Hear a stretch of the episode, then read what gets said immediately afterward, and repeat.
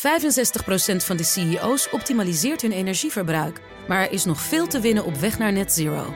Meer weten? Ga naar pwc.nl slash netzero. De wereld. In Moldavië komen volgende week 47 Europese leiders bijeen. Het gaat om de Europese politieke gemeenschap, een club die de Franse president Macron heeft bedacht. Ik praat erover met Europa-verslaggever Geert-Jan Aan.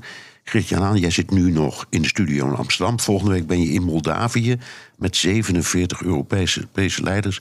Wie zijn er niet bij? Geen Rusland, geen Belarus en geen Vaticaanstad. Bernard, dat zijn eigenlijk de drie landen en in het laatste geval landje uh, dat geen uh, leider van het land heeft afgevaardigd. Wel is er witte rook voor Andorra, San Marino en Monaco. Ja, dus de, de grootmachten Andorra, San Marino. Die zijn erbij. Die zijn erbij. um, wat staat er op de agenda, Geert-Jan? Vooral oorlog, of beter gezegd vrede. Oekraïne, Nagorno-Karabakh. Uh, want Armenië en Azerbeidzjan zijn er ook bij. En vorig jaar zag je dat uh, Macron en Erdogan uh, met de leiders van die twee landen om tafel gingen om te kijken of er iets van vrede in die regio kon worden bewerkstelligd. Daar kwam toen een, een doorbraak in de vorm van een EU-vredesmissie. Maar er is ook veel ruimte voor bilaterale ontmoetingen zonder agenda. Die ruimte werd vorig jaar dan weer bijvoorbeeld benut om de gasprijs lager te krijgen. Kortom, het is een top waarbij er veel benen op tafels gaan. Ja, en waarom is dit uh, niet, in, niet uh, in Zweden georganiseerd? Want dat is de, de, de huidige voorzitter van de EU, maar in Moldavië. Aan de ene kant is het idee, denk ik, van deze nieuwe club dat het ene jaar de top in een EU-land plaatsvindt en daarna in een niet-EU-land. Vorige keer Tsjechië, nu Moldavië, daarna Spanje, daarna Groot-Brittannië.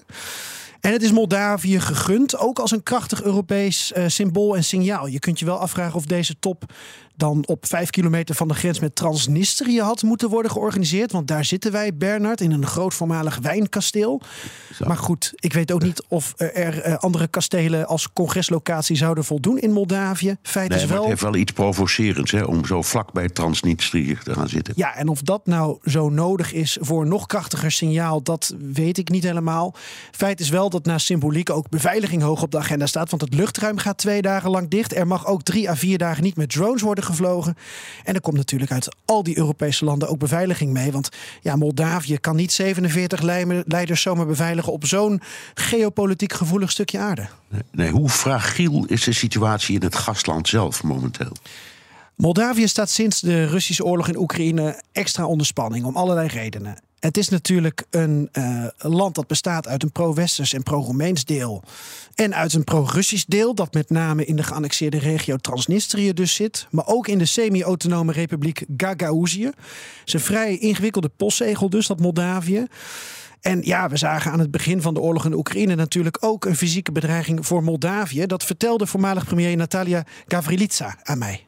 the uh, easternmost point of Moldova is only 60 kilometers away from Odessa. Had the front line moved towards Odessa and Odessa region, then it is extremely likely that uh, the Transnistrian region would have been uh, taken as well, and there would have been sort of a eastern front of the Russian Federation towards Ukraine. Tot een paar maanden geleden was deze Gavrilitsa premier van Moldavië. Volgens haar is op dit moment de hybride oorlogsvoering vanuit Rusland een groter probleem voor Moldavië dan die fysieke bedreiging. We can never rule out a decision to employ Russian troops um, and uh, you know Russian military uh, contingent.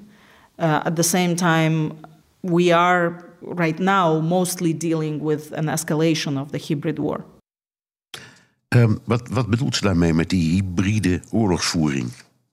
Nou, als ik het interview met haar uh, terugluister en ook een aantal studies lees en kennis van denktanks en instituten hierover spreek, uh, ja, dan, dan, kom ik op het volgende uit met Moldavië, Bernard. En stoel me vast, het is een lijstje. Afgelopen maanden hebben ze daar te maken gehad met tientallen valse bommeldingen, cyberaanvallen met onder meer phishing, een informatieoorlog met nepberichten over militaire dienstplicht voor Moldaviërs.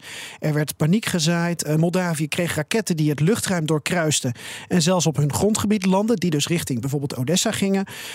Een taaie strijd voeren ze met pro-Russische oligarchen, die onder meer ook het internationale vliegveld van Chisinau tot voor kort uh, bezaten. En dan natuurlijk het grote vraagstuk energie. Moldavië was afhankelijk van het instabiele stroomnetwerk van de Oekraïne en van Russisch gas. En die laatste, dat werd echt een grote klap. Economische chantage vanuit Rusland, omdat uh, Moskou schuldenaflossing wilde vanuit Moldavië. Nou, die twee landen werden het niet eens over het bedrag, ook niet over prijsverhogingen. Moldavië ging een winter tegemoet met stagflatie, economische afname en hele hoge inflatie, gemiddeld 30 procent.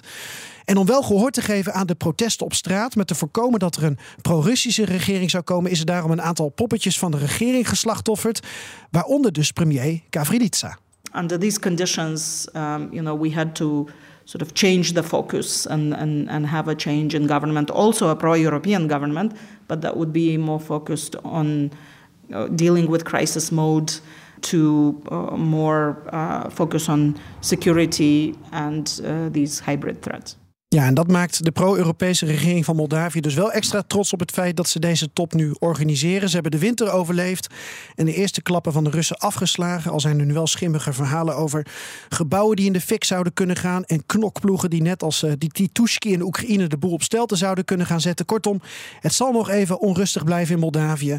Uh, dat dus volgende week voor het eerst in zijn bestaan ongeveer heel Europa mag verwelkomen. Ja, interessant. Dankjewel, Europa-verslaggever Geert-Jan Haan. 65% van de CEO's optimaliseert hun energieverbruik. Maar er is nog veel te winnen op weg naar net zero. Meer weten? Ga naar pwc.nl/slash netzero.